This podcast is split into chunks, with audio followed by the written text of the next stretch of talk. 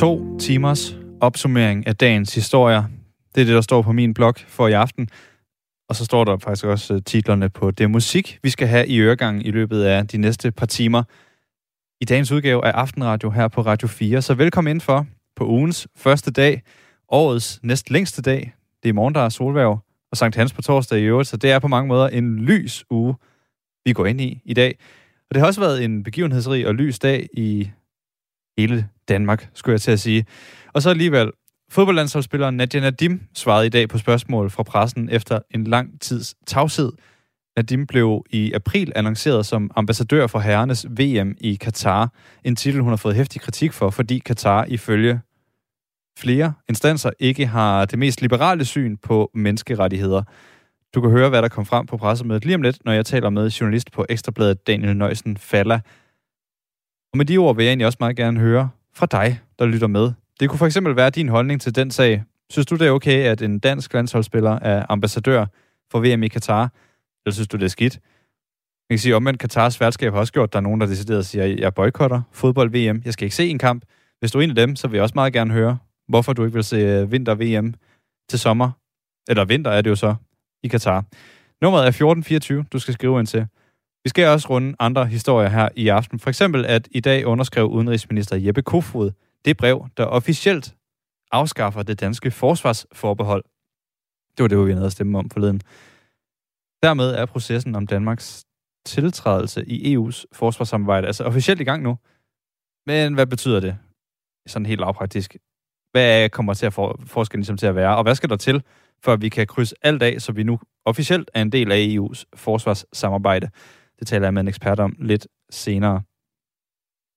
Uhyggeligt mange døde fugle er også skyllet i land på den jyske vestkyst. Strandgæster har de seneste dage kunne finde blandt andet døde suler og skarver på stranden i Klitmøller. Det skal vi også lige høre lidt mere om, hvorfor de her øh, fugle er døde, og hvorfor der er så mange af dem. Det er om 20 minutters tid, du kan høre det. Mit navn er Nikolaj Dupont. Velkommen indenfor hos Aftenradio her på Radio 4. Det du hører her, det er Taylor Swift med nummeret Champagne Problems.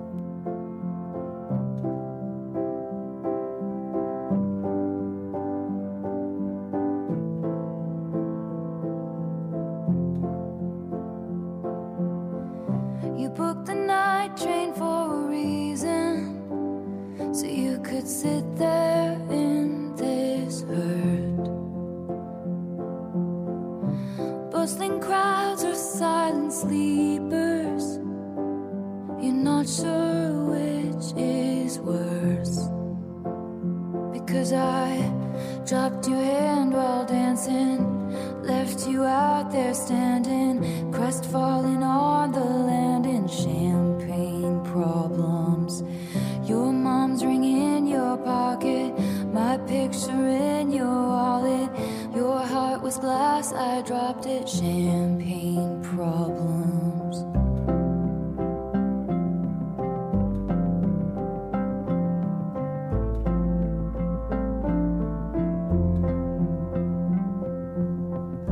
You told your family for a reason, you couldn't keep it in. Your sister splashed out on the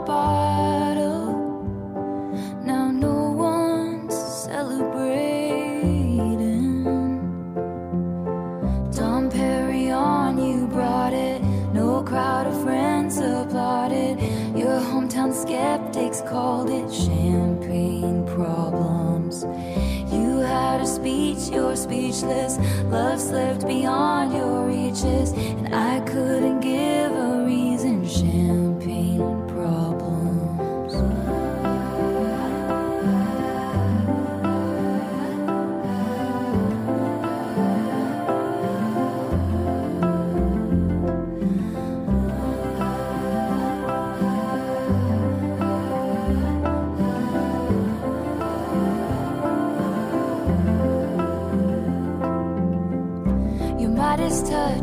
Chevy door, November flush, and your flannel cure. This dorm was once a madhouse. I made a joke, well, it's made for me. How evergreen our group of friends don't think we'll say that word again. And soon they'll have the nerve to deck the halls that we once walked through. One for the money, two for the show. I never was ready, so I watch you go sometimes someone's on their knees and asks you. She would have made such a lovely bride. What a shame she's fucked in the head, they said. But you'll find the real thing instead. She'll patch up your tapestry that I've shred and hold your hand while dancing. Never leave you standing, crestfallen on the landing with champagne problems. Your mom's ring in your pocket, picture in your wallet, and you won't remember all my champagne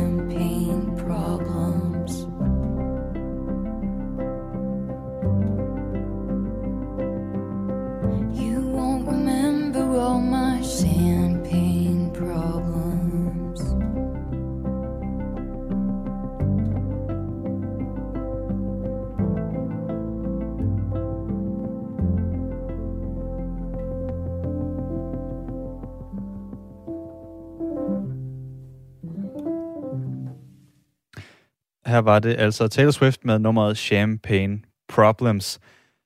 Fodboldspilleren Nadia Nadim svarede i dag på spørgsmål fra pressen om hendes ambassadørrolle ved herrenes VM i Katar, som starter til november. Det gjorde hun ved kvindelandsholdets træningslejr forud for deres EM. Nadim er længe blevet kritiseret for at ikke ansigt til VM-slutrunden, som altså afholdes i ørkenstaten. Det er blandt andet arbejdsforholdene for de arbejdere, der har bygget stadions til slutrunden, som har gjort Katar meget upopulært i resten af verden. Daniel Nøjsen falder er journalist på Ekstrabladet. God aften. God aften. Hvordan forklarer Nadim selv sit uh, ambassadørskab til uh, VM-slutrunden? Jamen, øh, det gør hun ved, at øh, hun i første omgang i dag øh, foran pressen gav et statement, inden det var tid til spørgsmål, hvor hun gjorde det klart, at hun ikke har gjort noget for, for pengenes skyld, men at det handler om, at hun har en stor platform, og den vil hun bruge. Det handler om fodbold, og for hende så vil hun gerne være med til at gøre en forskel, og det gælder specielt kvinderne i Katar, som hun altså ser sig som et, et form for forbillede for, og på den måde føler hun, at hun kan Ja, hun kan rykke på tingene. Det var, det var i hvert fald noget af det, der var øh, Nadims sådan, øh, hovedpointe øh, i dag. Og er det øh, nyt, at øh, hun har sagt så meget, eller hvad er, hvad er det nye, der er kommet frem på pressemødet? Ja, det må man sige i den grad er nyt. Øh, vi skal helt tilbage til det slutningen af december for at finde øh, første gang de her billeder med Nadim i Katar, de, de kom frem, øh, og så går der noget tid, hvor, hvor kritikken kører, og så 1. april, så stikker det for alvor ind, hvor, hvor hun bliver officiel VM-ambassadør for, ja, i, for Katar, og, øh, og det er ligesom der, at, øh, at det, det buller og brager, skulle man til at sige, i, i medierne, og, og siden der har hun ikke vil stille op til noget som helst interview overhovedet, så at hun i dag overhovedet øh, sagde noget som helst, var, var i den grad nyt. Og nu er du selv lige inde på det her, Daniel Nøjsen falder. Det er altså den 1. april i år, at Nadia Nadim blev annonceret som ambassadør for herrenes VM i Katar. Det her ambassadørskab, det har blandt andet betydet, at Dansk Flygtningehjem har afbrudt sit samarbejde med, øh, med Nadia Nadim som deres ambassadør. Kan du prøve at sætte på ord på, hvad er det helt konkret, Nadia Nadim er blevet kritiseret for i forbindelse med det her VM?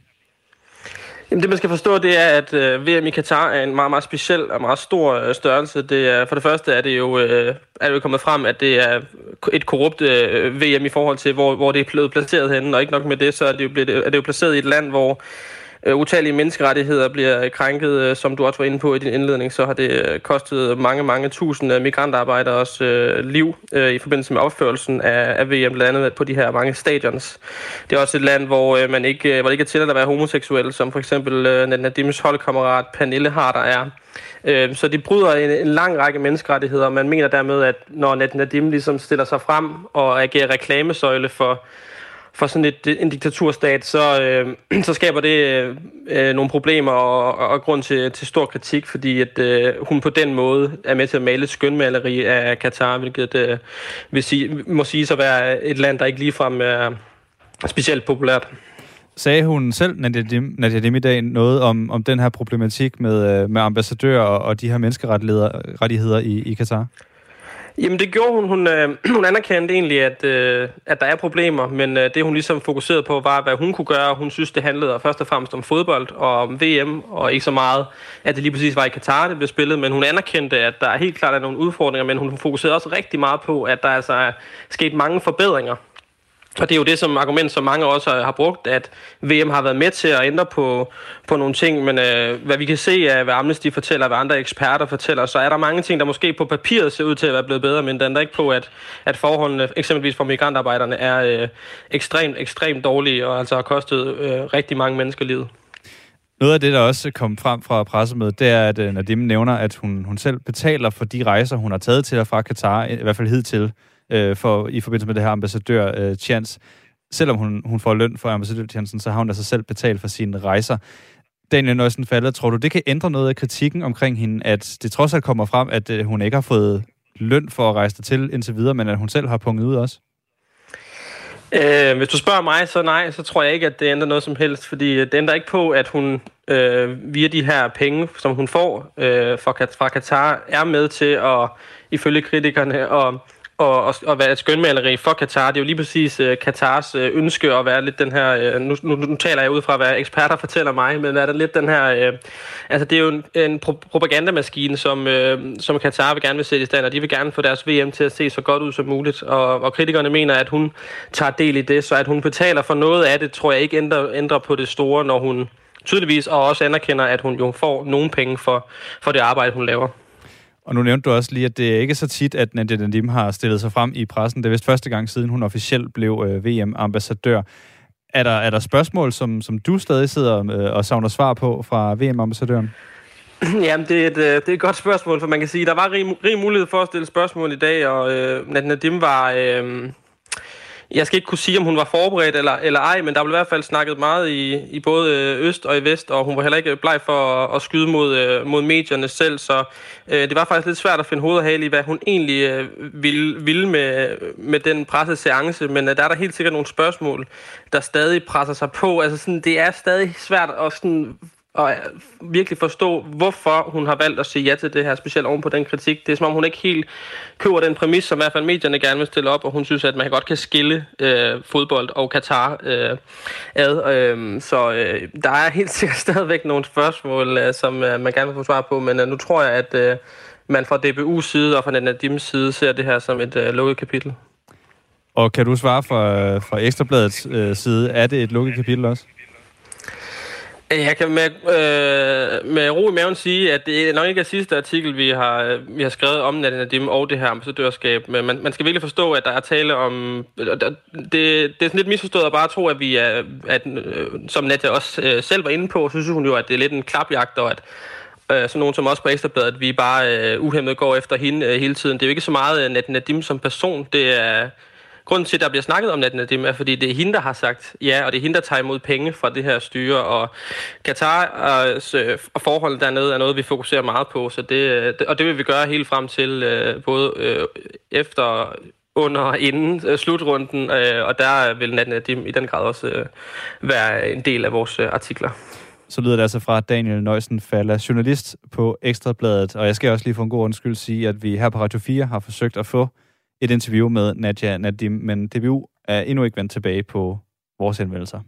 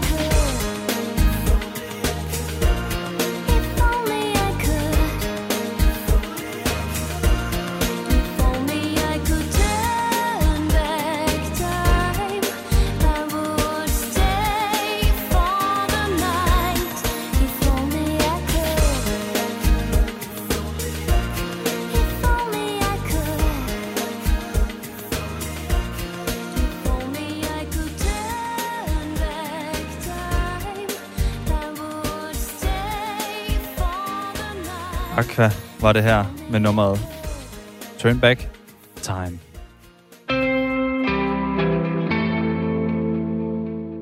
Det er et noget makabert syn, der har mødt nogle af dem, der har valgt at gå en tur langs vestkysten de seneste par dage. Der er nemlig skyllet en hulens masse døde fugle i land. Det er især suler, der ligger døde på stranden, og så er der også fundet splitterner og skarver. Morten Frederiksen er seniorforsker på Institut for Ecoscience ved Aarhus Universitet. God aften. Ja, god aften. Hvor kommer alle de her fugle fra? Ja, hvis vi tager sulerne, så kommer de fra Skotland. Der er mange store kolonier af suler i Skotland, og de søger ret tit føde langt ude i Nordsøen, helt over mod den danske kyst og ind i Kattegat, så det kan vi med ret stor sikkerhed sige, at de kommer derovre fra. Kan du ikke måske starte med lige at beskrive, øh, Morten Frederiksen, hvordan sådan en sule ser ud? Jo, det er, det er den største havfugl, man finder på vores øh, sådan breddegrader. Det er en stor hvid fugl, skal vi sige gåsestor, med sorte vingespidser. Øhm, den ligner så ikke ret meget en gås. Den har et stort dolkformet næb. Så man tager ikke rigtig fejl, hvis man finder sådan en, der ligger på stranden. Og det er altså de her suler, som i høj grad er skyllet døde op på stranden. Du nævner, at de kommer over øh, vestfra.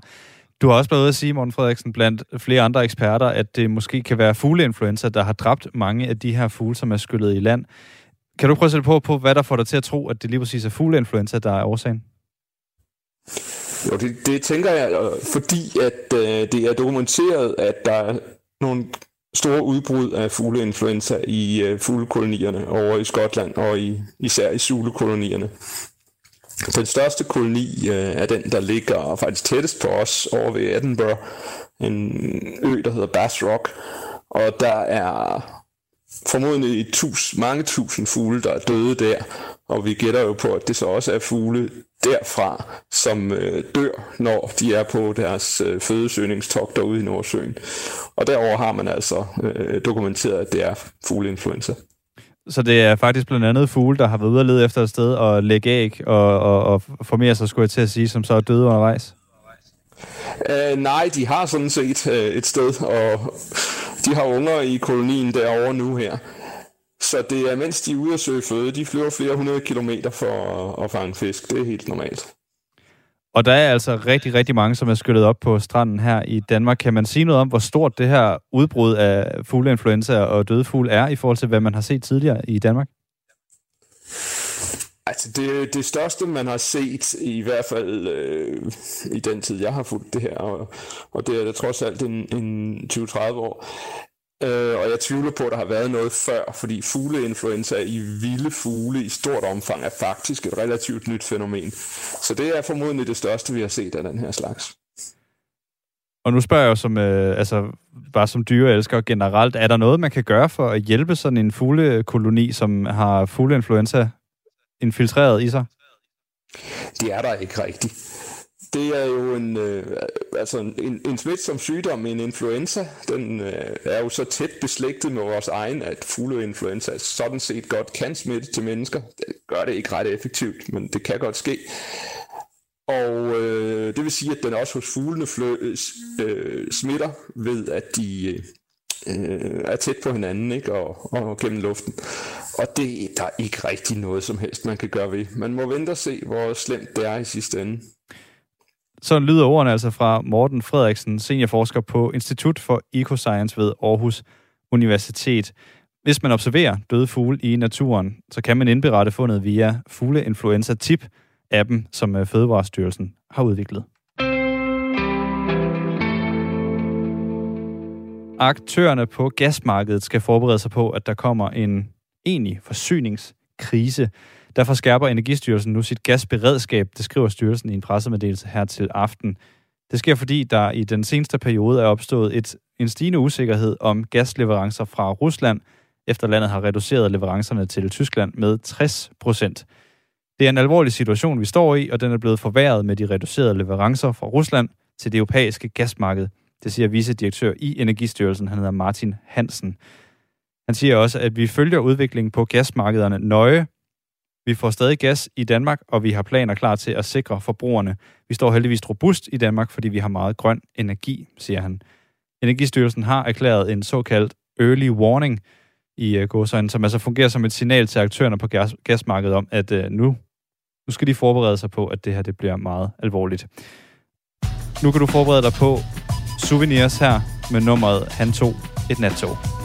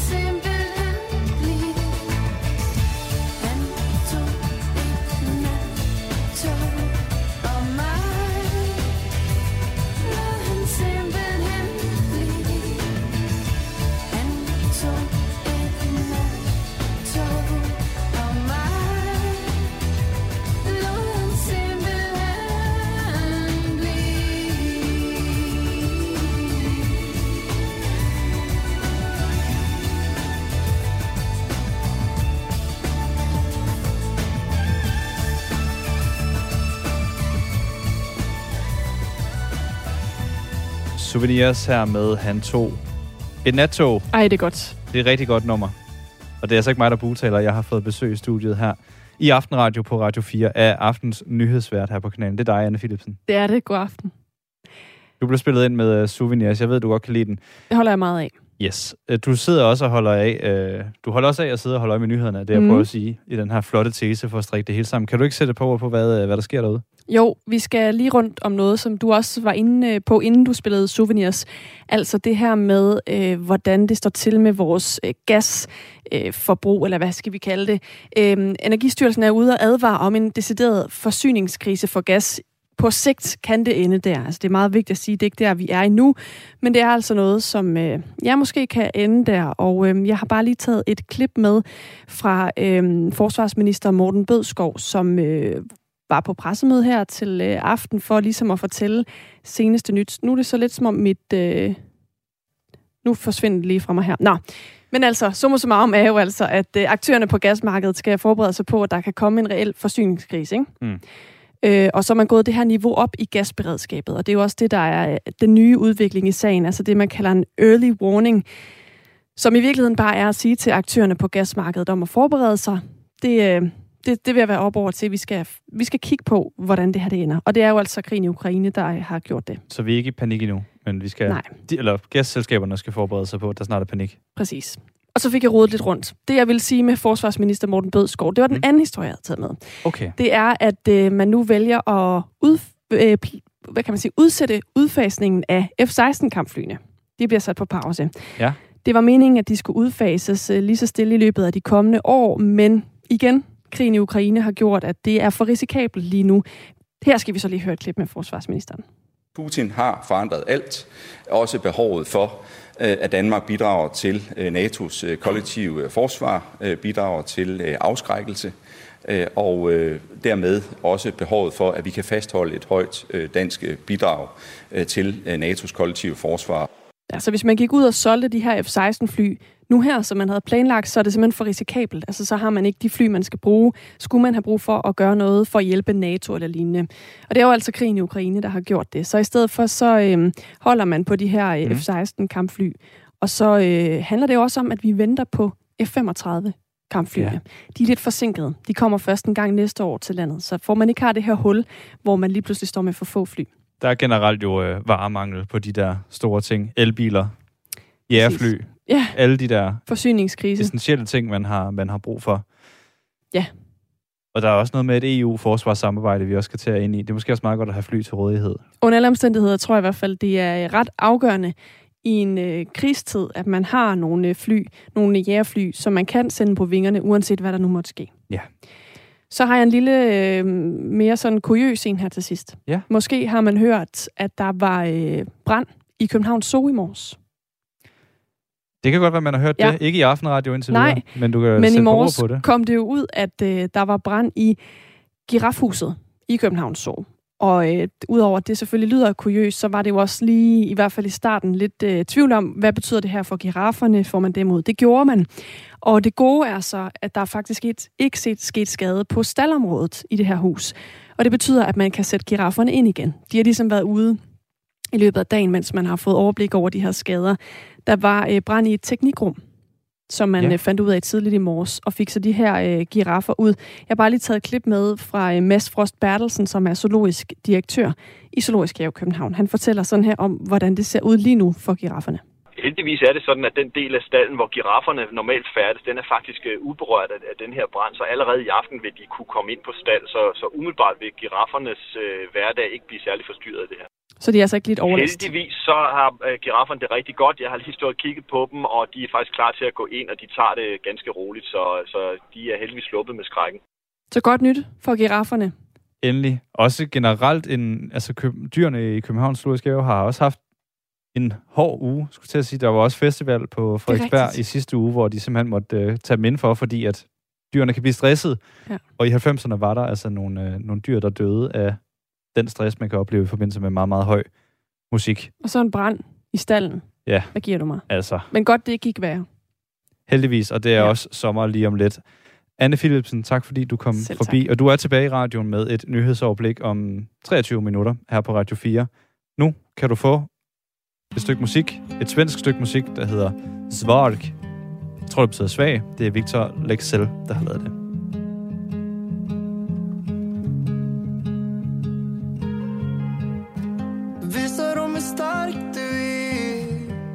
Mina tårar Det är så jag växte upp Var bara en man och tar det Allting är okej om någon frågar Det är så det är värt för mig. Och jag kan lyfta flera tusen kilo. Och jag kan ta mig över hav och land Kan göra nästan allt de vill men jag kan inte vara i samma rum som dig Utan att jag tappar andan. Och varje gång du ser på mig Känns som att mitt hjärta stannar. Försöker spela svår och stå emot Men du river mina murar. Jag vet inte vad du gör Men allting som du gör det gör jag släppa taget nu. Sluta vara rädd för att bli sårad. Det är så det måste vara. Det är väl bara så det Kan ändå inte fatta det. För jag kan göra nästan allt de ber om. Men jag kan inte vara i samma rum som dig Utan att jag tappar andan. Och varje hjärta stannar Försöker spela svår och stå emot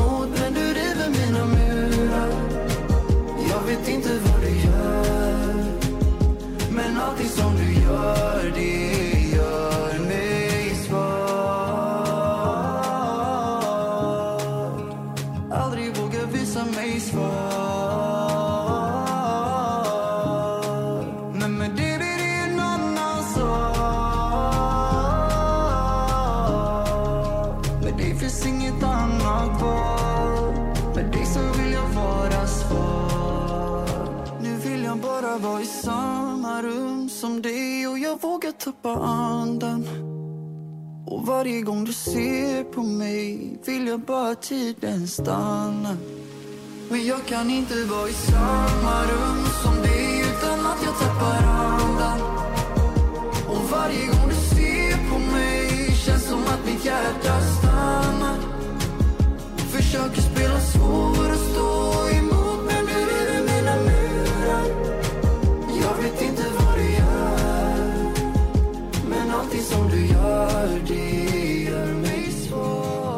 Svag her med Victor Lexell. Vi skal runde en lidt prekær historie, som handler om Belgien. Ja, den handler faktisk om flere lande. Belgien har ved en ceremoni i Bruxelles i dag udleveret en tand, som er den eneste kendte jordiske rest af den demokratiske republik Kongos dræbte uafhængighedshelt Patrice Lumumba. Tanden blev overragt til Lumumbas familie i Egmont-paladset af belgiske embedsmænd. Lumumba var den første demokratisk valgte leder i den demokratiske republik Kongo, DR Kongo. Efter landet blev uafhængigt af netop Belgien i 1960. Lumumba han vagte vrede i Vesten, da han midt under den kolde krig gjorde tilnærmelser til det kommunistiske regime i Moskva. Han har også vagt vrede i Belgien ved at kritisere landet for koloniseringen af Kongo. Lumumbas regering kom dog kun til at sidde i få måneder. Så blev han fjernet og henrettet ved skydning. Hans tilhængere og nogle historikere beskylder CIA for at have givet ordre til drabet på ham, men hans lig er aldrig blevet fundet. Det var en repræsentant for den belgiske regering, der her til aften, eller her i dag, overrakte tanden i en lille blå æske til medlemmer af Lumumbas familier. Det, det giver følelse af oprejsning efter adskillige år, udtaler Roland Lumumba, altså en af Lumumbas sønner, til radiostationen RTBF i forbindelse med ceremonien. Belgiens kong Leopold II hvor mand, der overtog Kongo som sin private ejendom i 1885, efter Berlin-konferencen for afrikanske kolonier. 15 år senere så slap øh, historier om kong Leopold og Belgiens brutale redselsregime ud til de andre europæiske lande. Og i 1908 var kongen nødsaget til at simpelthen overlade sin gigantiske ejendom i Afrika til Belgien som land. Derefter blev landet kaldt som Belgisk Kongo. Og i 1960 blev landet altså så uafhængig under premierminister Patrice Lumumba, men hans regering blev som sagt væltet efter få måneder af et militærkup. I 2002 sagde Belgien officielt undskyld for at have dræbt Lumumba. 2022 har været året, som har været præget af blodrøde tal og voldsomme nedadgående kurver på aktiemarkedet. Mens de amerikanske aktier er faldet tonstunge, så er altså også danske aktier hårdt ramt. Der har været tumult på aktiemarkedet så sent som i sidste uge, hvor det danske C25-indeks oplevede det syvende største fald i historien, efter den amerikanske centralbank hævede renten med 0,75 procent. Det er lidt teknisk. Bottom line, det går virkelig, virkelig dårligt på aktiemarkedet. Hele situationen får nu en investeringsøkonom hos Nordnet, Per Hansen, til at kalde en recession, altså en periode med faldende økonomisk vækst, for uundgåelig. For det første er det sådan, at den høje inflation, den spiser rigtig meget af den amerikanske forbrugers købekraft. Og da den amerikanske forbruger er en meget betydelig del af den amerikanske økonomi, og står for ca. 70% af den amerikanske økonomi, og den amerikanske økonomi er meget vigtig for den globale økonomi, og dermed for det, som vi oplever i Danmark og Europa, så er det meget vigtigt. Den anden ting, det er, at Øh, meget høj og ukontrolleret inflation, meget store prisstigninger, jamen det er ikke ønskværdigt, det er ikke ønskeligt, hverken for privatforbrugeren og heller ikke for samfundsøkonomien. Og det er derfor, at den amerikanske centralbank øh, nu skal til at indhente noget som, af det, som de er kommet bagud med. De har holdt renterne alt for lavt, alt for længe, og det giver altså pres på inputfaktorerne, og det presser inflationen op. Og kombinationen af meget store prisstigninger, som spiser af din købekraft, og stigende renter, som gør det meget dyrere at finansiere en bolig, og som får ejendomspriserne til at falde, jamen det er det, der formentlig vil gøre, at den amerikanske økonomi, som er verdens vigtigste, i løbet af slutningen af 2022 og ind i starten af 2023 formentlig vil opleve et par kvartaler mindst med negativ vækst. Den skræntende økonomi på verdensmarkedet, den skal tages alvorligt, og vi går ud over den almindelige dansker, fortæller Per Hansen, denne gang på en lidt anden telefonforbindelse. Uden at male fanden på øh, væggen, så er det noget, man skal tage alvorligt og være bekymret for. Og det er jo fordi, at når økonomien en gang imellem trækker sig sammen, når vi oplever negativ vækst, når vi oplever økonomisk tilbagegang, så er det på den ene side, og det er måske lidt den gode, det gode aspekt, så er det fordi, vi har brug for at få renset luften, så er det fordi, der har været for meget gang i den, der har været for mange fester, de har været for, for dyre, og vi har brug for at få renset luften. Den negative side af det, det er jo altid, at øh, når vi oplever en økonomi, der trækker sig sammen, så er der jo nogen, der skal være med til at betale den her på investeringsmarkedet. Der er det aktionærerne, og i den virkelige verden, jamen der kan man jo sige, at dem, der betaler regningen nu for en meget lang fest, jamen det er jo dem, der oplever, at øh, det er blevet meget dyrere at være amerikaner, eller for den sags skyld at være dansker, når vi skal ud og fylde for eksempel indkøbskurven med varer. Og vi skal nok forberede os på, at der kommer til at gøre lidt ondt, før det gør godt for os forbrugere. Fordi det er den taktik, centralbankerne bruger, fortæller Per Hansen. Når det er sådan, at jeg er ret overbevist om, at vi kommer ind i en situation, hvor økonomien den trækker sig sammen, jamen så er det slet og ret sådan, at øh, man skal have centralbankerne ønsker at få dæmpet efterspørgselen efter varer. Det er noget af det, som de tror på øh, kan være med til at dæmpe prisudviklingen. Og derfor så kan man sige, at man vil aldrig komme til at høre en centralbank, en nationalbank sige, det er nu vores målsætning, at vi skal tvinge en økonomi i recession, altså i negativ vækst for at få bukt med inflationen. Men jeg tror, at sådan som situationen er, sådan som tingene er, så er der ikke rigtig nogen vej udenom øh, at komme ind i en situation, hvor man skal tvinge prisstigningerne ned, og det gør man ved at trække noget købekraft ud af forbrugerne. Så det lyder måske lidt negativt, men centralbankerne forsøger faktisk at lave det, der hedder the short-term pain for the long-term gain. Ja, centralbankerne har allerede hævet renterne og gjort det dyrere for os at låne penge. Og det er ifølge Per Hansen vigtigt med, et, med en økonomisk bremseklods. Hvis vi ikke gør det nu, så kommer de her ting, de kommer ud af kontrol. Så stiger priserne meget markant. Så kommer vi til at få det, der hedder en løn- og prisspiral. Og så har inflationen set på i en længere henseende, så har den bidt sig fast. Og det er langt, langt værre, end hvis vi tager sådan en, hvad kunne man kalde det, økonomisk chokkur, som noget af det, vi kommer formentlig til at se i løbet af de næste 6-12 måneder. De hævede renter betyder altså blandt andet, at vi bliver, det bliver dyre for os at være forbrugere. Og det er det, der på lang, sigt, så lang sigt skal løse den økonomiske udfordring, selvom det virker sådan lidt underligt op i hovedet. Det siger altså Per Hansen. Ja, det er kombinationen af, at det er meget dyrere at købe alt fra salatolie til pasta, men også, at øh, de stigende renter gør det meget dyrere at finansiere øh, et huskøb, og meget dyrere finansiering til et huskøb. Jamen det betyder faldende ejendomspriser, og så har vi ikke kun én, men flere faktorer, som desværre på kort sigt peger i den forkerte retning, men som på lang sigt skal være med til at løse den udfordring, det er, at priserne stiger alt for meget, alt for hurtigt.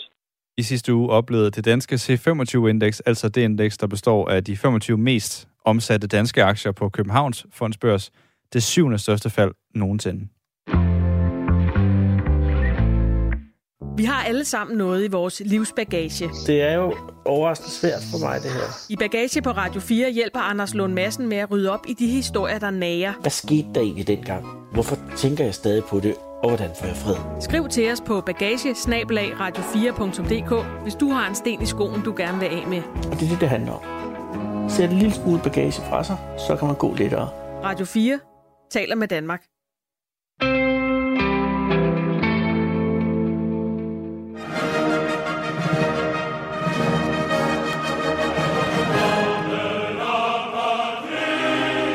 Det her er lyden af den franske nationalsang La Marseillaise, og grunden til, at vi hører den, det er altså, at franskmændene i går var ved stemmeurnerne.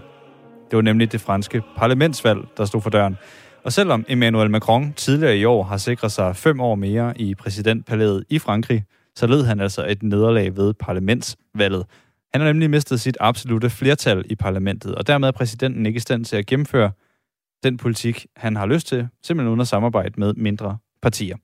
Det vurderer Tore Keller, som er europakorrespondent ved Information. Det gjorde han, da han i morges var med i Radio 4 morgen. Jamen, øh, nogle af hans øh, støtter, de kalder det over for Le Monde for et øh, maritsagtigt scenarie.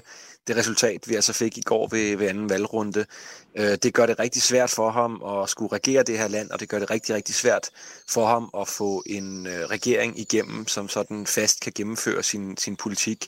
Så mange af de store reformer, som han har lovet at lave, blandt andet en pensionsreform osv., øh, det får han rigtig svært ved at få igennem øh, nu i det, det her nye franske parlament.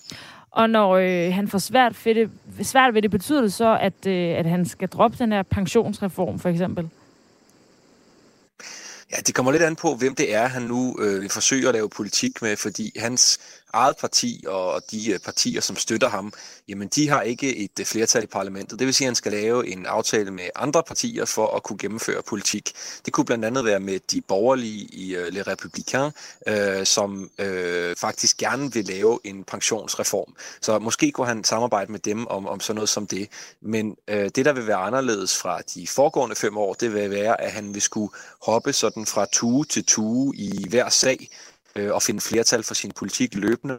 Ikke bare have det her faste øh, parlamentsflertal, så man kan gennemføre sin, sin politik med. Og det er en helt uvandt situation for en øh, præsident, som ellers øh, tidligere både har haft præsidentposten og et sikkert flertal. Uh, der er en lidt øh, usikker linje til dig, Torkjell, og vi prøver lige at, øh, at se, om det holder lidt endnu.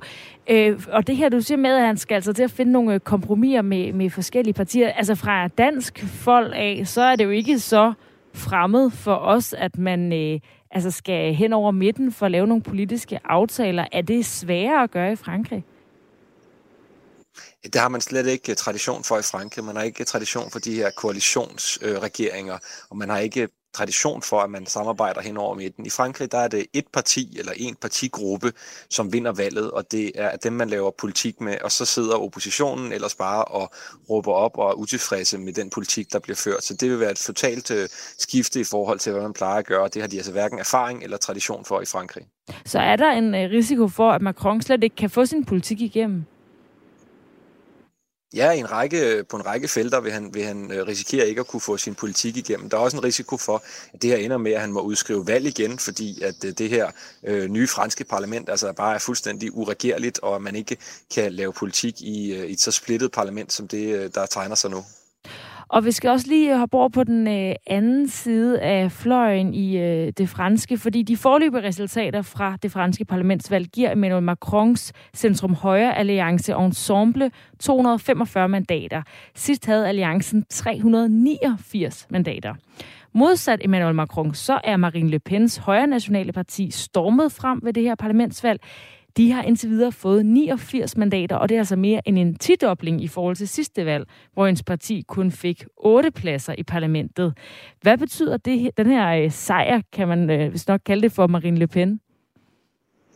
Det er et stort gennembrud for dem, øh, og i første omgang vil det i høj grad betyde, at de får flere penge, øh, de får mere offentlig støtte, og derfor vil de kunne udbygge deres partiapparat, de vil kunne lave øh, mere sådan øh, offentlighed om sig selv, og så vil de kunne betale, til, tilbage, tilbagebetale øh, nogle af de lån, som de har hos ungarske og russiske banker til øh, at finansiere valgkampen. Øh, så for dem er det en god nyhed, det her. Det er det bedste resultat for Le Pens tropper i den 5. republiks historie, det vil sige altså i over 60 år. Øh, en stor, stor fremgang for dem. Øh, I realiteten vil de dog ikke kunne føre ret meget politik med det. Altså det er ikke sådan, at de nu vil få en masse indflydelse på øh, sådan den førte politik, men øh, som symbol er det meget, meget vigtigt det her for dem. Og den her øh, magtforskydning, der altså er sket i det franske parlament, er det noget, som vi vil kunne mærke i, i Danmark eller i resten af Europa? Altså, Emmanuel Macron har jo været sådan den ledende skikkelse i europapolitikken de sidste fem år, og mange af de impulser og øh, politiske ting, som, som vi har set gennemført i Europa, er kommet fra ham og er kommet fra hans, øh, fra, fra, fra hans Frankrig. Øh, og han vil så, øh, hvis det her, øh, hvis han ikke lykkes med at finde sådan en, en gangbar koalition eller en gangbar, gangbar flertal, så vil han blive svækket indrigspolitisk, og det vil gøre, at han udadtil også vil få nogle større, større problemer med at kunne signalere over for Tyskland og så videre, at han altså kan lave øh, reformer af, af Frankrig, og det kan potentielt svække hans øh, rolle udadtil. Omvendt er det også vigtigt at sige, at øh, en fransk præsident, det er altså ham, der fører udenrigspolitikken, det er ham, der fører europapolitikken, og det ikke noget, som, som han skal have parlamentets flertal for. Det er sådan en del af den franske forfatning, at det er præsidenten, der sådan suverænt øh, fører den slags. Så lød det altså fra Thor Keller, som er europakorrespondent ved Information. Valgdeltagelsen i Frankrig i går var i øvrigt særdeles lav. Anden runde fik kun 53,77 procent af de stemmerettigede franskmænd til valgstederne. Oh, misty eye of the mountain below. Keep careful watch of my brother's souls.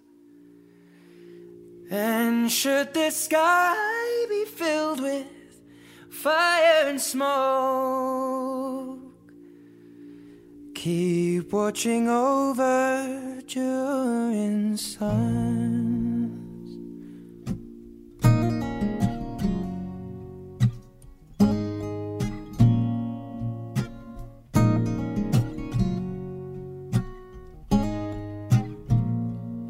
This is to end in fire, then we shall all burn together.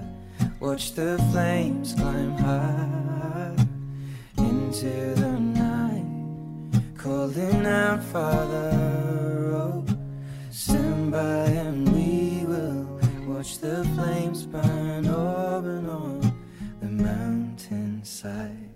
High.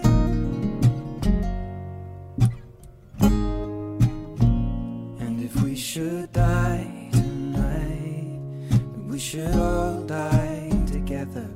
Raise a glass of wine for the last time. Calling out, Father, oh, prepare as we will watch the flames burn up and on the mountainside. Desolation comes upon the sky. Now I see fire inside the mountain. I see fire burning the trees, and I see fire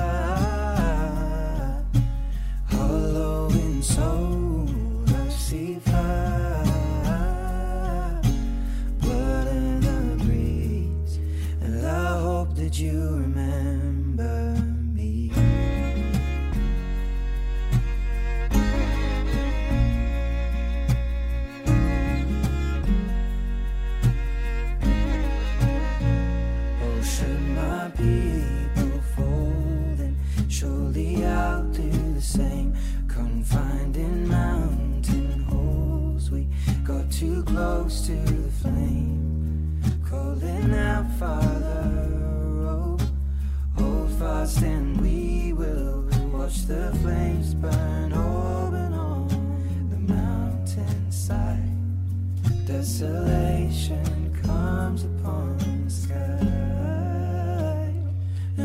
see fire inside the mountain. I see fire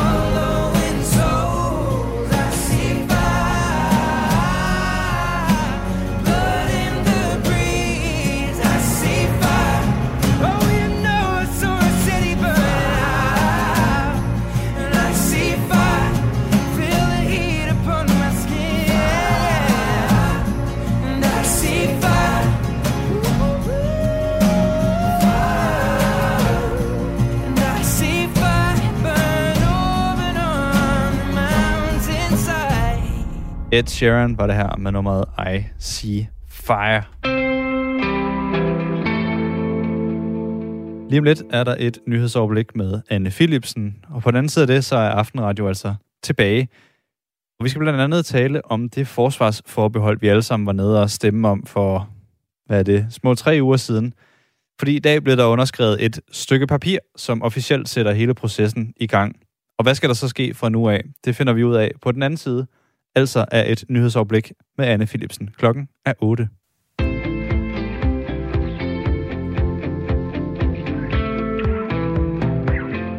I dag underskrev udenrigsminister Jeppe Kofod det brev, der officielt afskaffer det danske forsvarsforbehold. Dermed er processen om Danmarks tiltrædelse i EU's forsvarssamarbejde officielt i gang.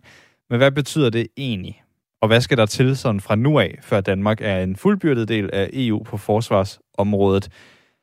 Det skal jeg tale med en ekspert om lige om lidt, og det er altså noget af det, du kan høre her i Aftenradio på Radio 4 den næste times tid.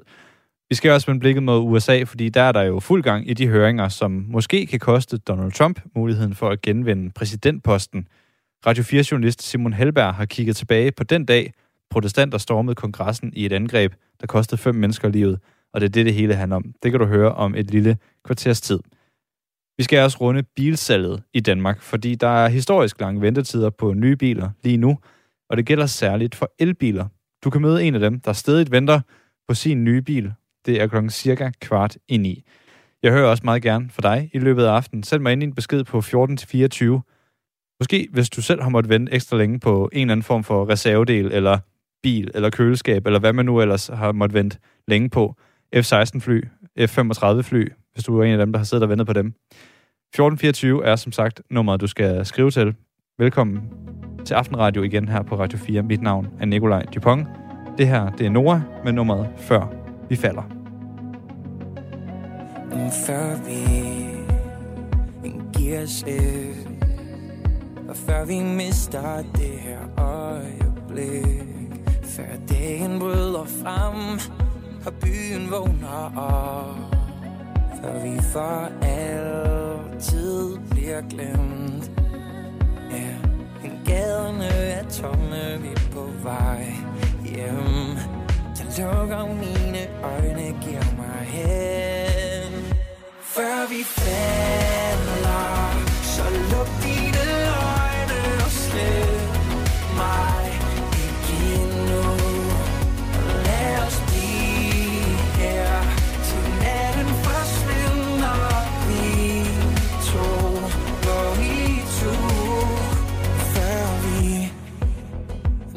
Er glemt. Går vi gennem byen rundt i ring. For lyset bryder frem Og natten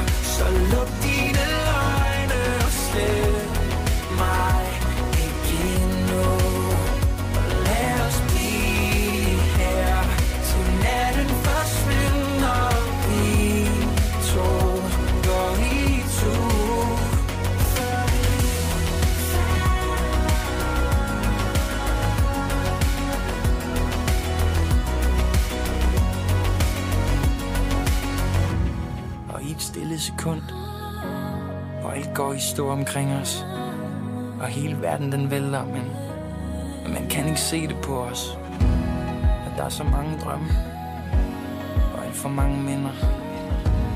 Og nu står vi her?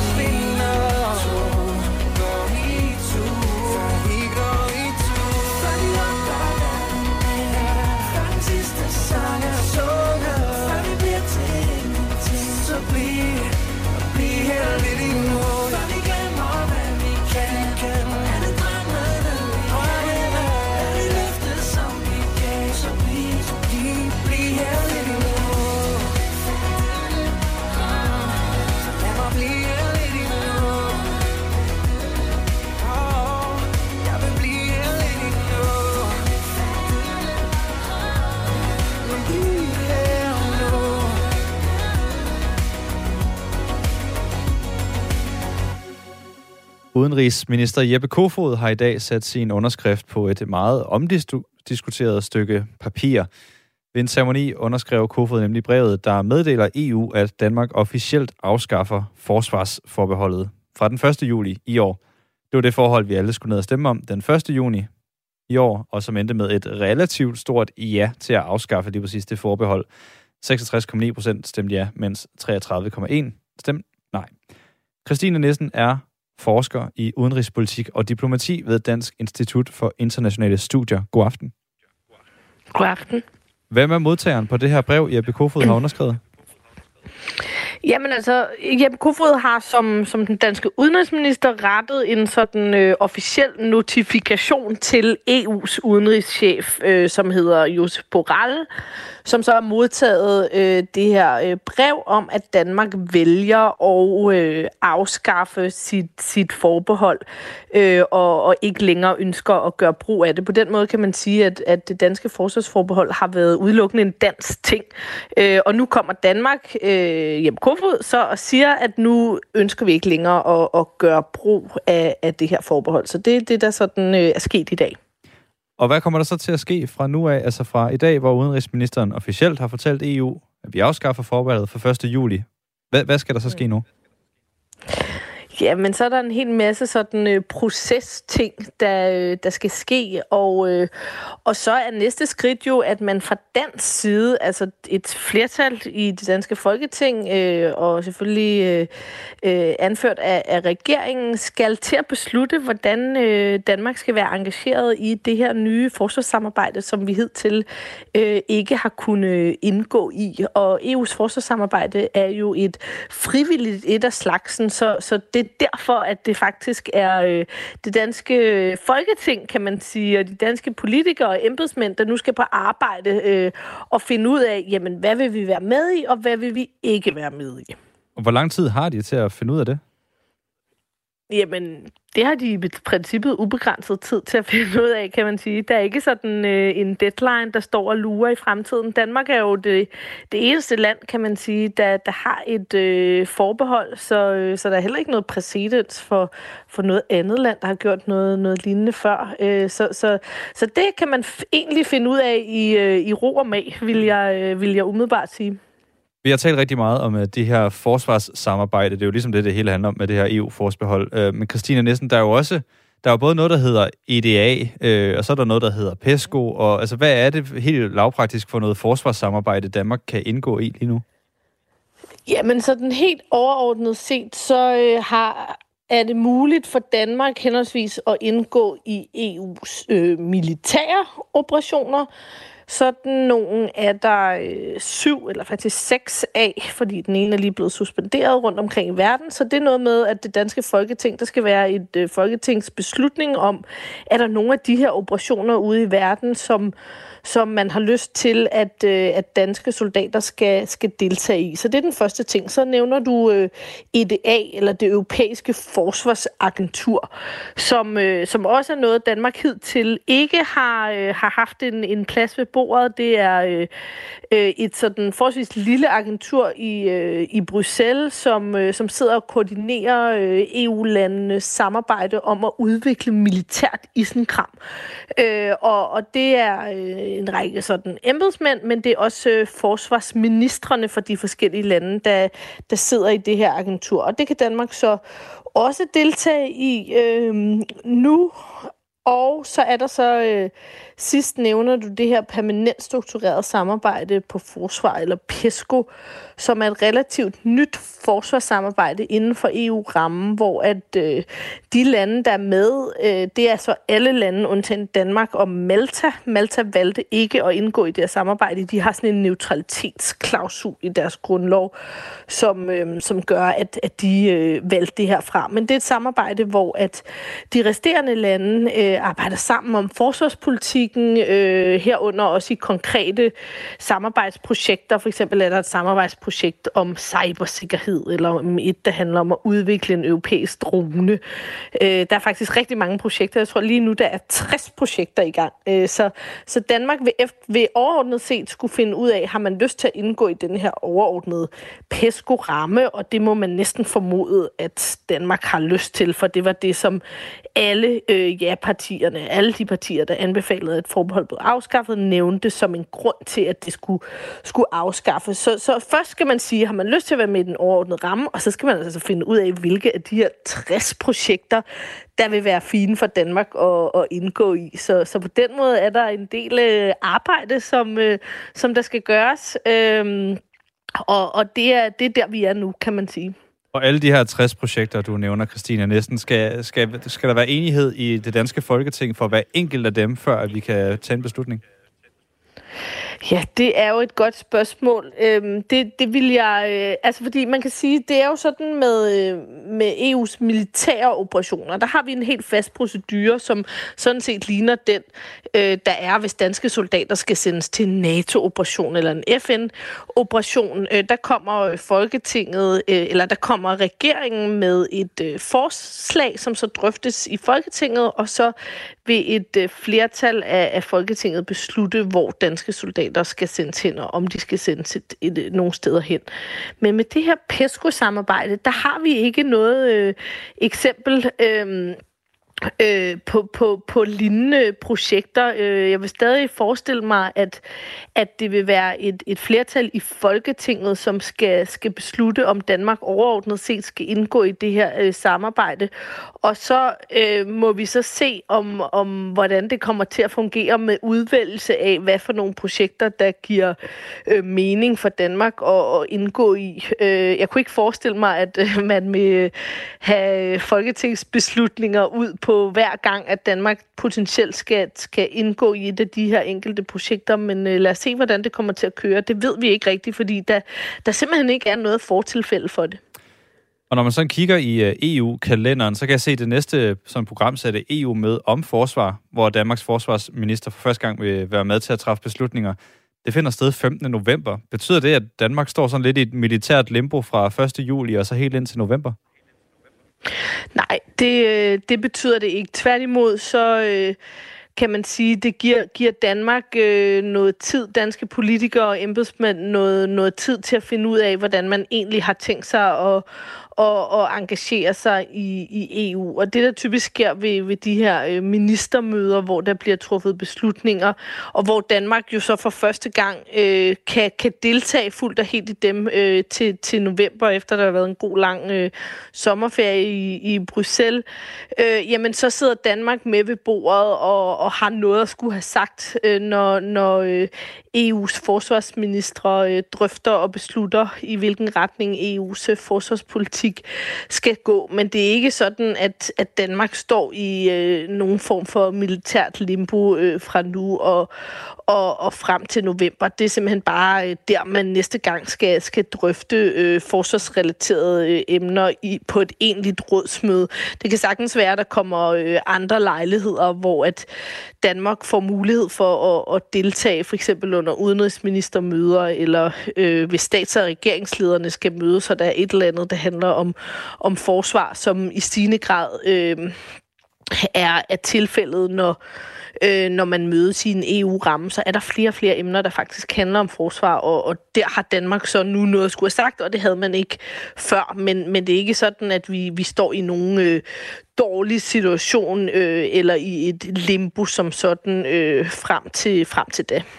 Så lyder det altså fra Christine Nissen, som er forsker i udenrigspolitik og diplomati ved Dansk Institut for Internationale Studier.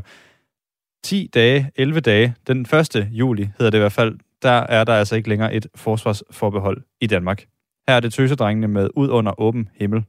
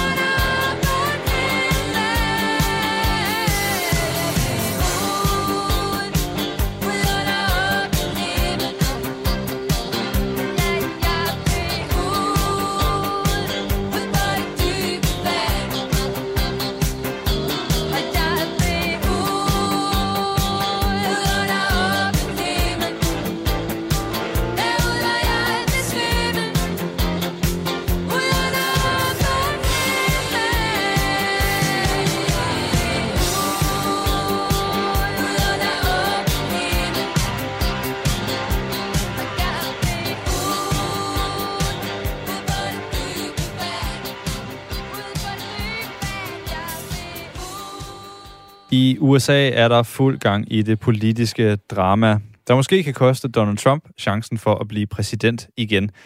Mike Pence er den seneste, der har været i skranken til den tredje høring i sagen om stormløbet mod kongressen den 6. januar sidste år. USA's nu tidligere præsident Donald Trump forsøgte dengang igen og igen at få sin vicepræsident Mike Pence til at omstøde det valg, som Trump lige havde tabt til Joe Biden.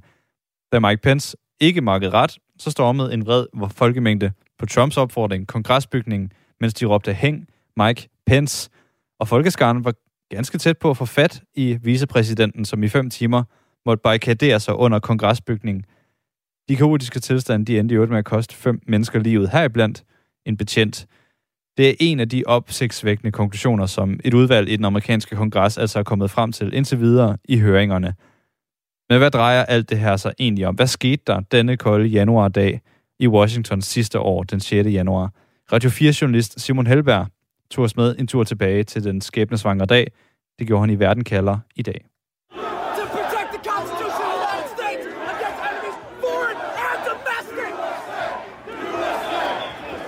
Det er tidlig morgen den 6. januar 2021. En stor gruppe af Trump-vælgere fra hele landet samler sig i den amerikanske hovedstad, Washington D.C. De er kommet for at demonstrere mod det valgresultat, der små to måneder inden gjorde Joe Biden til USA's næste præsident.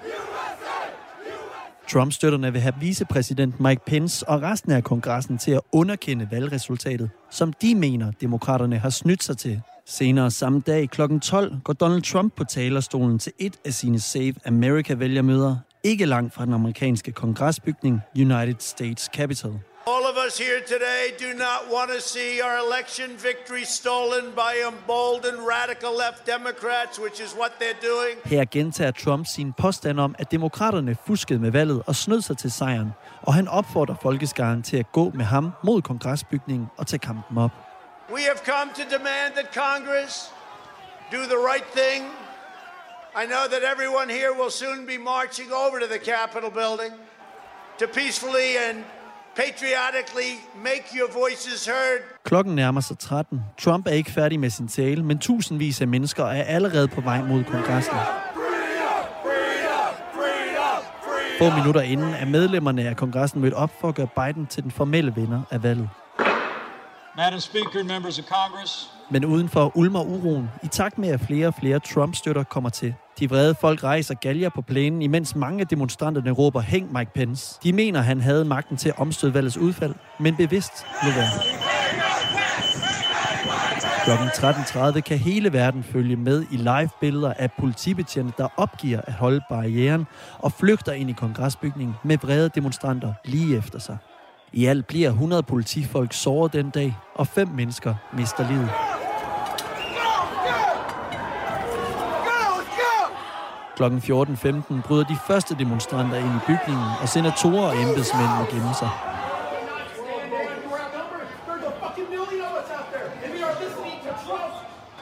En halv time senere, kl. 14.45, bryder demonstranterne ind i senatkammeret. Der er ikke flere politikere eller embedsmænd, og i de efterladte papirer leder de efter beviser på, at præsidentvalget var fusk.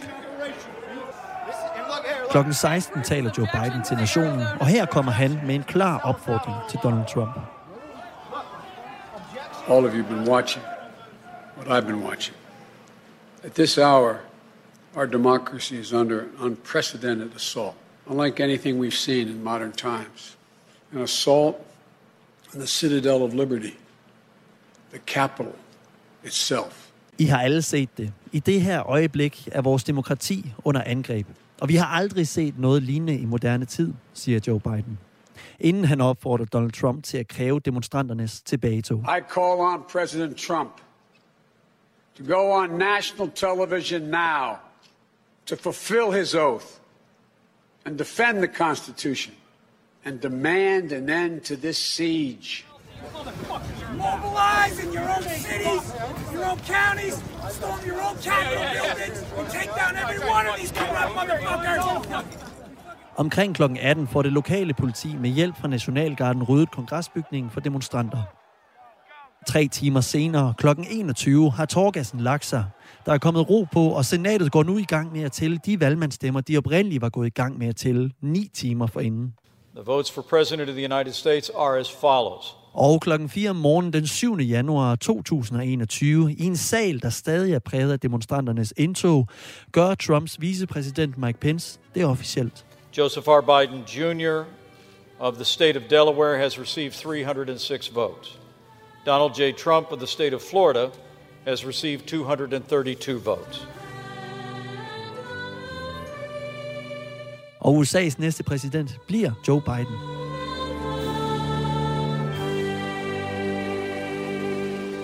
Senere på året, den 1. juli 2021, bliver 6. januar komiteen nedsat til at efterforske angrebet på kongressen.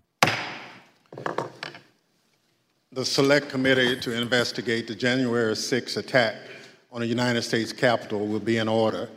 I dag, godt halvandet år efter, fremlægger komiteen så sine konklusioner på et års undersøgelser med over 1000 vidneafhøringer, gennemgang af 100.000 dokumenter og timevis af videooptagelser.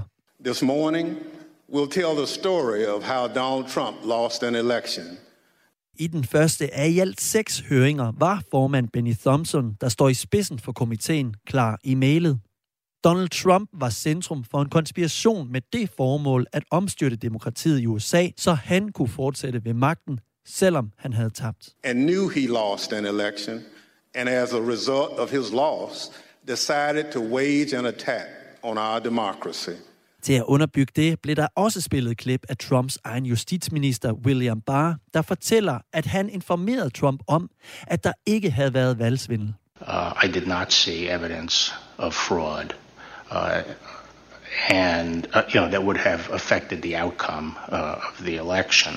Endda Trumps egen datter Ivanka Trump, der fungerede som Trumps rådgiver, bakkede William Barr op i den konklusion. It affected my perspective. Um, I respect Attorney General Barr. Um, so I accepted what he said, was saying. Imens beviserne bliver fremført, vokser republikanernes forsøg på at nedtone 6. januar i kampen om den offentlige There was no insurrection. There, there was a riot, a small one, that got a little bit out of hand. January 6th was actually an overwhelmingly peaceful march. They were afraid of some goofball, trespassing, nutty rioters. What if we turn off the volume and just watch the images? Does it look like a sedition, a coup? You tell me. Når alle høringerne er afsluttet, så er det i sidste ende Justitsministeriet, der skal beslutte, om man vil rejse sag mod Donald Trump.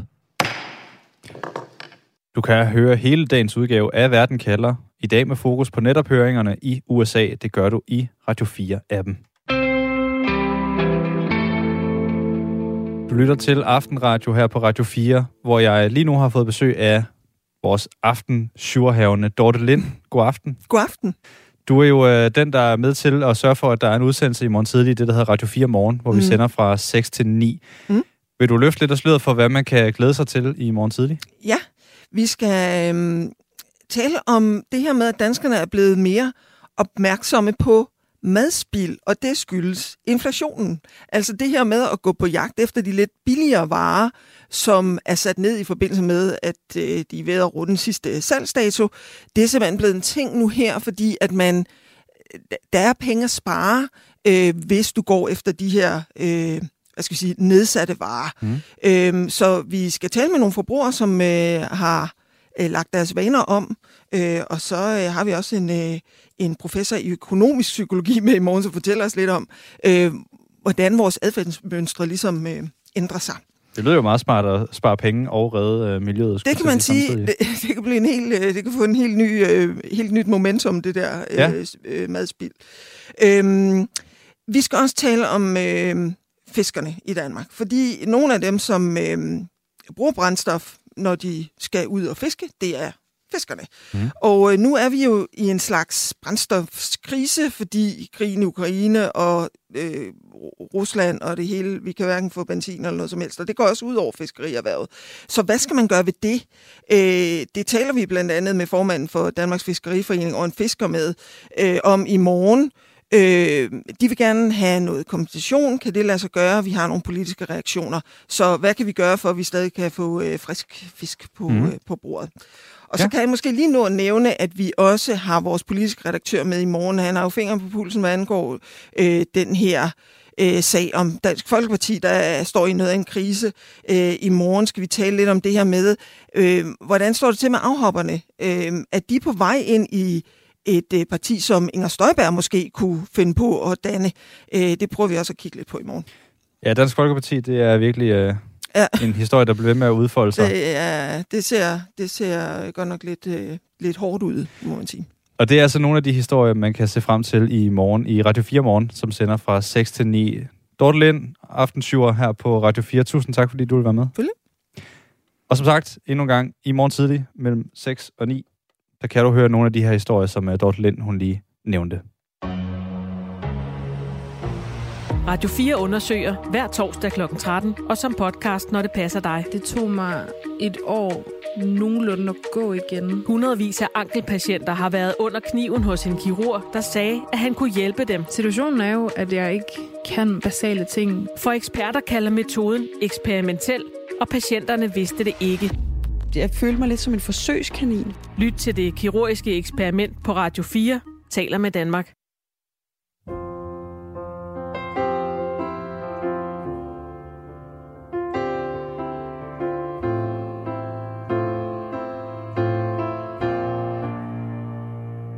There ain't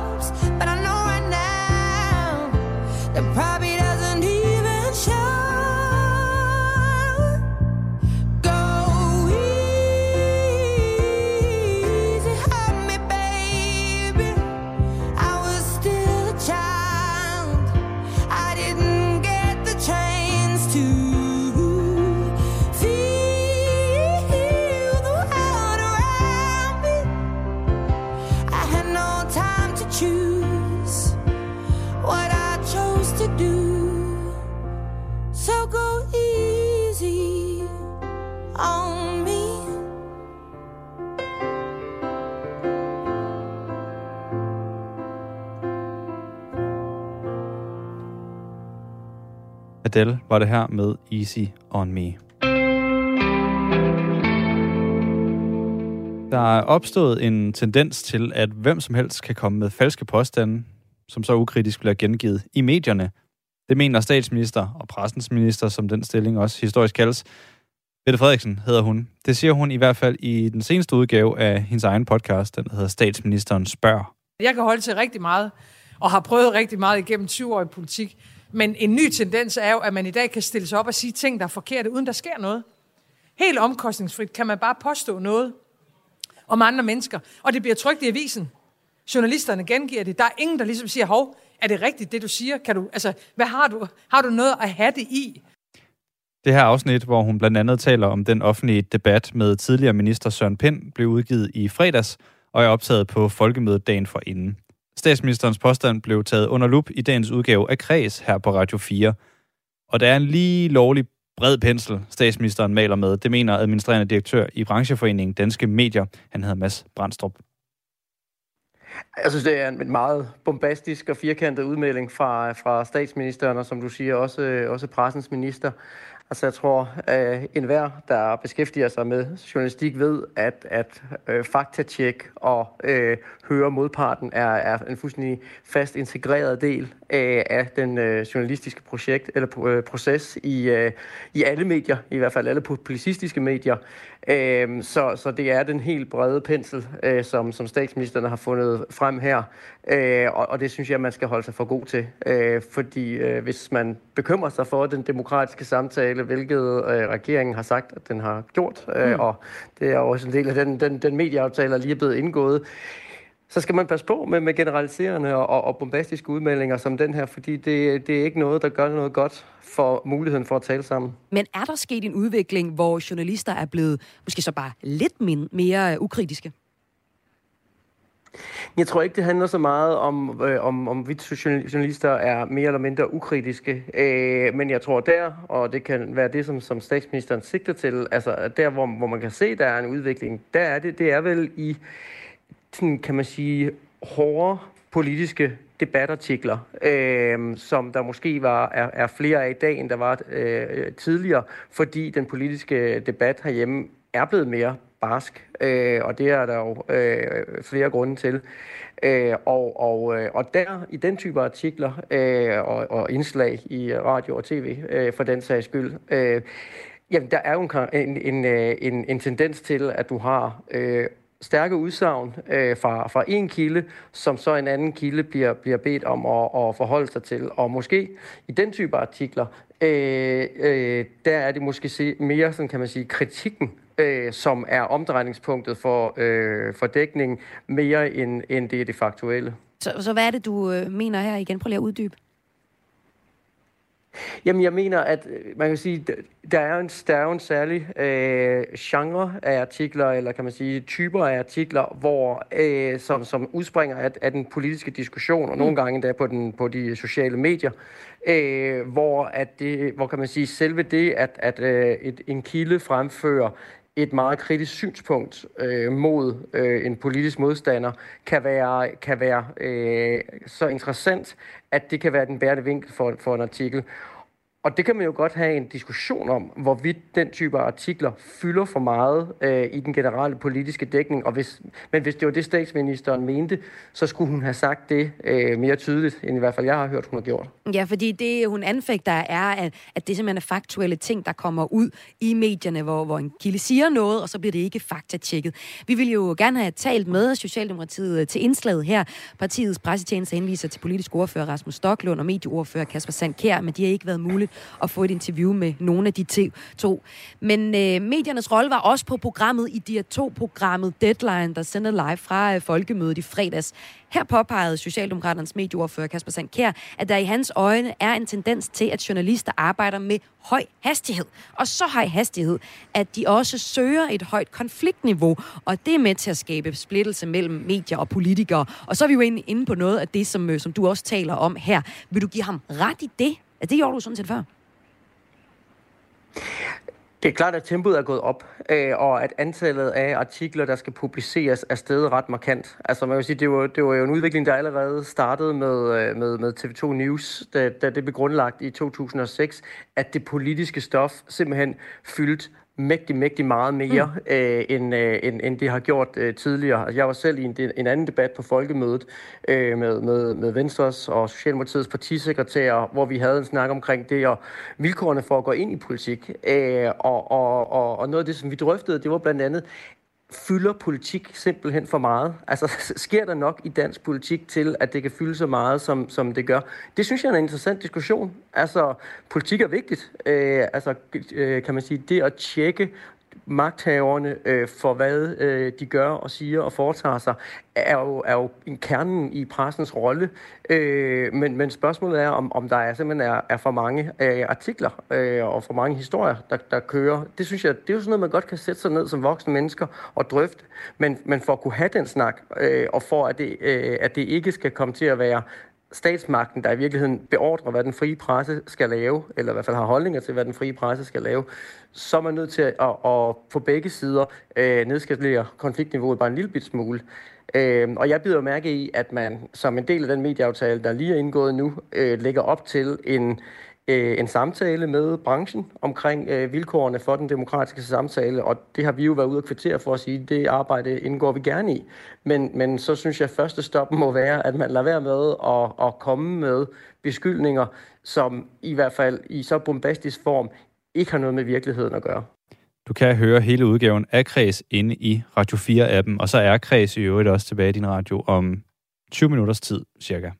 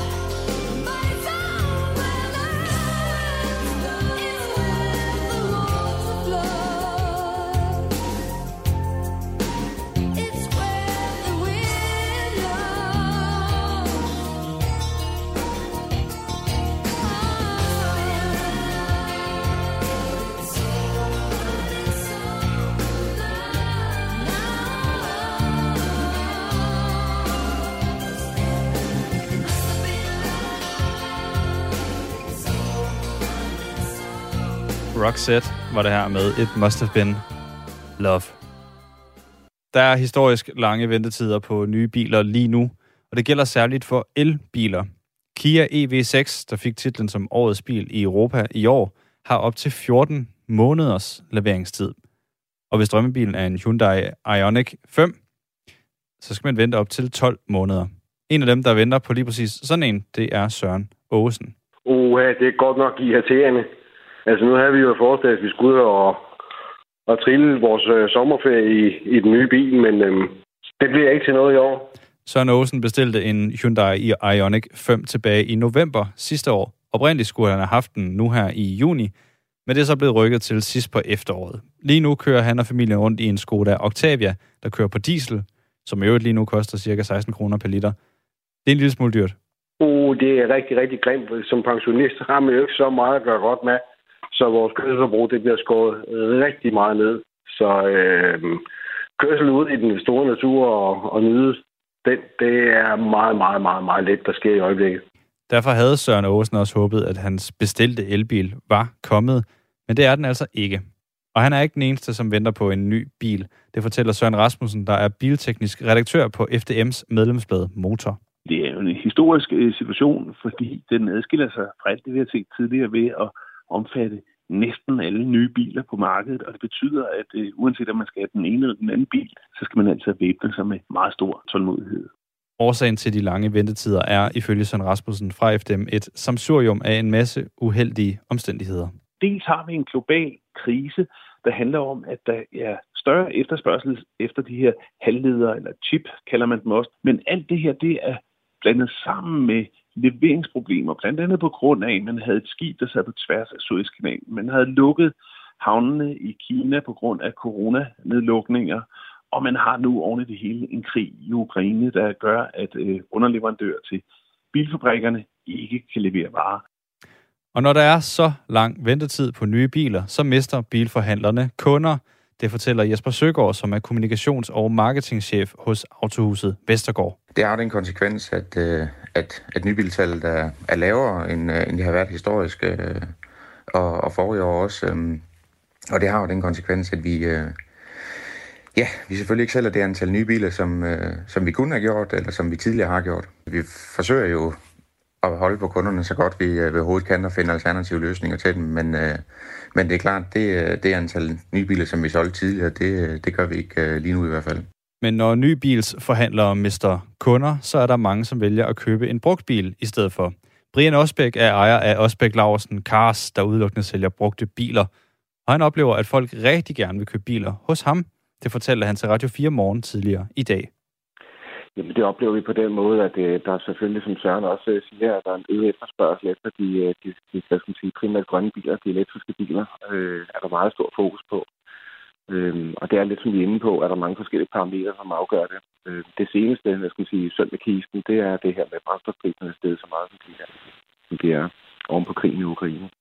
Så en ting er, at vi vil gerne have de øh, grønne biler, men vi kan ikke få dem, og så øh, går vi måske til sådan en som dig, der sælger øh, brugte biler. Hvad, hvad går vi efter som kunder i din BIX? Jamen, det gør, det, det gør man igen efter de her primært de, de fuldt elektriske biler øh, af nyeste dato, og det er jo mange af de biler, der er meget lang leveringstid på, og øh, så må vi jo så forsøge at lægge os lidt i slæbstrøm af det, og se om vi kan, kan skaffe de her biler. Det er selvfølgelig noget, vi har vanskeligt ved øh, alle sammen, men, øh, men ofte også hjulpet lidt på vej gennem netværk igennem mange år. Så det er ofte biler, der kommer fra udlandet af, specielt øh, fra Tyskland af. Ja, hvordan øh, gør I det? Der er jo en øh, god fidus ved at hente bilerne i Tyskland. Hvordan gør I det? Jamen altså, øh, vi bruger udelukke vores eget netværk, og øh, så sent som i går, der så jeg en advarsel om en, øh, en dansk forhandler, der var blevet snydt øh, for, for 45.000 euro, rent faktisk på sådan en Kia EV6'er på det øh, lukkede forum, vi har for bilforhandler i Danmark. Og det fortæller lidt om, at man skal lige have antennerne lidt ude, og man ikke bare overfører penge øh, ud i det blå, så at sige. Men det vi gør, det er, at vi bruger nogle, øh, kan man sige, nogle mellemmand, øh, en broker, om man vil kalde det det, som hjælper os med at skaffe biler, som, så øh, står for dialog og kontrollerer, at bilen er der, og papirerne er der, og der er en reel ejer den anden Og jeg skal sige, at øh, Brian Osbæk er med os på en øh, telefon, som har en lidt øh, skrættende lyd, men, men du er der, Brian, og det er vi jo sådan set glade for. Når I øh, skaffer bilerne i Tyskland, det gør jo størstedelen af jeres importerede biler kommer fra Tyskland. Hvad er det, I går efter dernede? Jamen altså, vi, lige nu der går vi nærmest udelukkende efter de her fuldt elektriske biler, som er alt for et halvt år gamle osv. Der er jo det, et velkendt øh, tysk statstilskud, der gives, og det udløses altså først efter øh, 6 måneder. Så det er altså typisk 6 måneder gamle biler. Men altså meget nye biler, som har kørt ganske lidt. Ikke? Og det, øh, du nævner, det er, at en, øh, hvis en, en tysker køber en elbil, så får man øh, tildelt et øh, miljøbonus, altså op til 9.500 euro, som man får af myndighederne. Det svarer jo altså lige til hurtig hovedregning til 71.000 danske kroner. Og så er kravet, at, øh, at tyskeren, der har købt en bil i Tyskland, kører rundt i den i mindst 6 måneder, og så kan køberen frit sælge bilen igen. Og det er mange af de biler, som I får fat i gennem jeres, øh, jeres forhandlinger, forhandler led i øh, Tyskland. Er det en god forretning for jer, Brian Osbæk?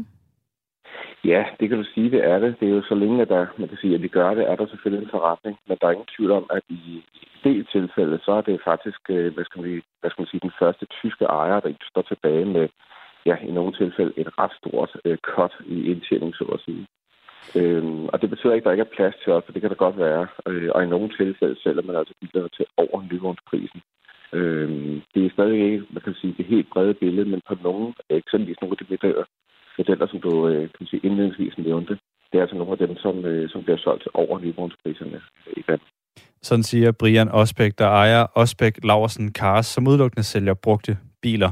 Søren Åsen, som altså er en af dem, der har bestilt en ny bil, men som har ventet lidt længe på den, han, øh, han har ikke tænkt sig at købe en brugt bil, bare fordi det går lidt hurtigere. Han er fast besluttet på at vente på sin bestilte bil? Jeg vil gerne vente til, til der kommer en ny, og så, øh, for jeg tror, det bliver den sidste bil, vi skal, vi skal til at investere i, og derfor vil vi godt have en helt ny fra start af.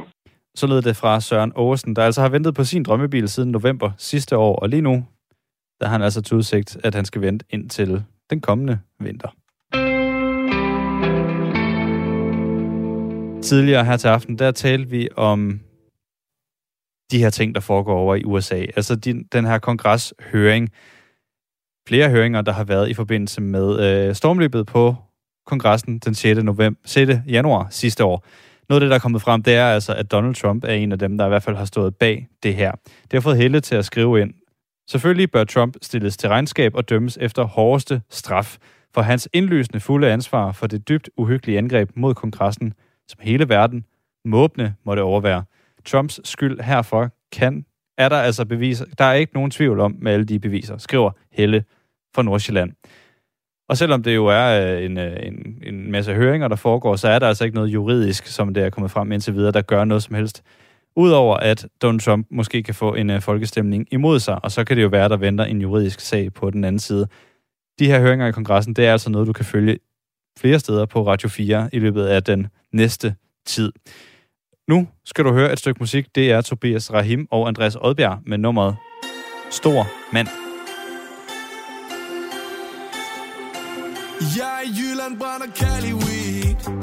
Mine tanker kører om en evergreen. Uh, Vi timer op om godt halvanden time På grønne gader med dollargrin uh, Du siger du ruller af.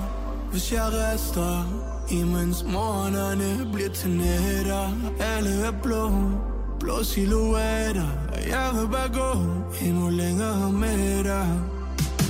Driver langsomt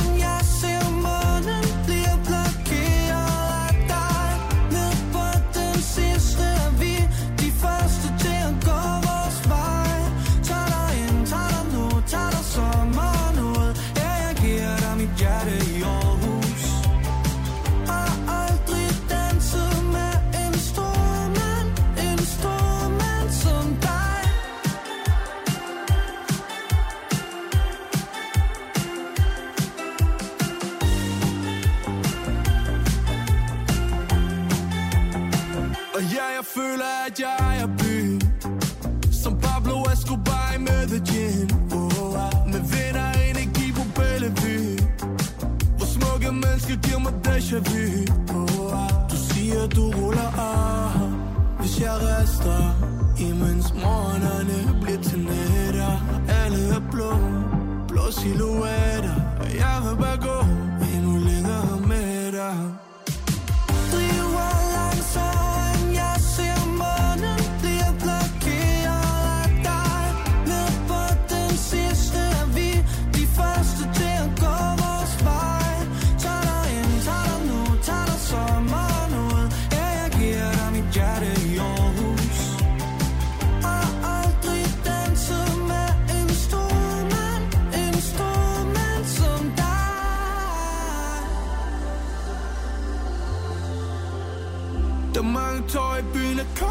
Smil.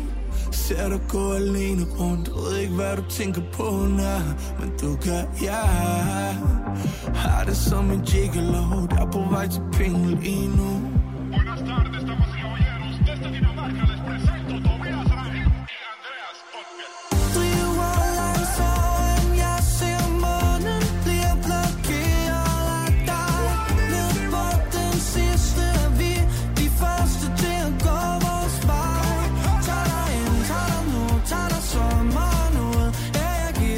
Det var alt for Aftenradio i aften. Nu er der et nyhedsoverblik med Anne Philipsen. Klokken den er blevet 9.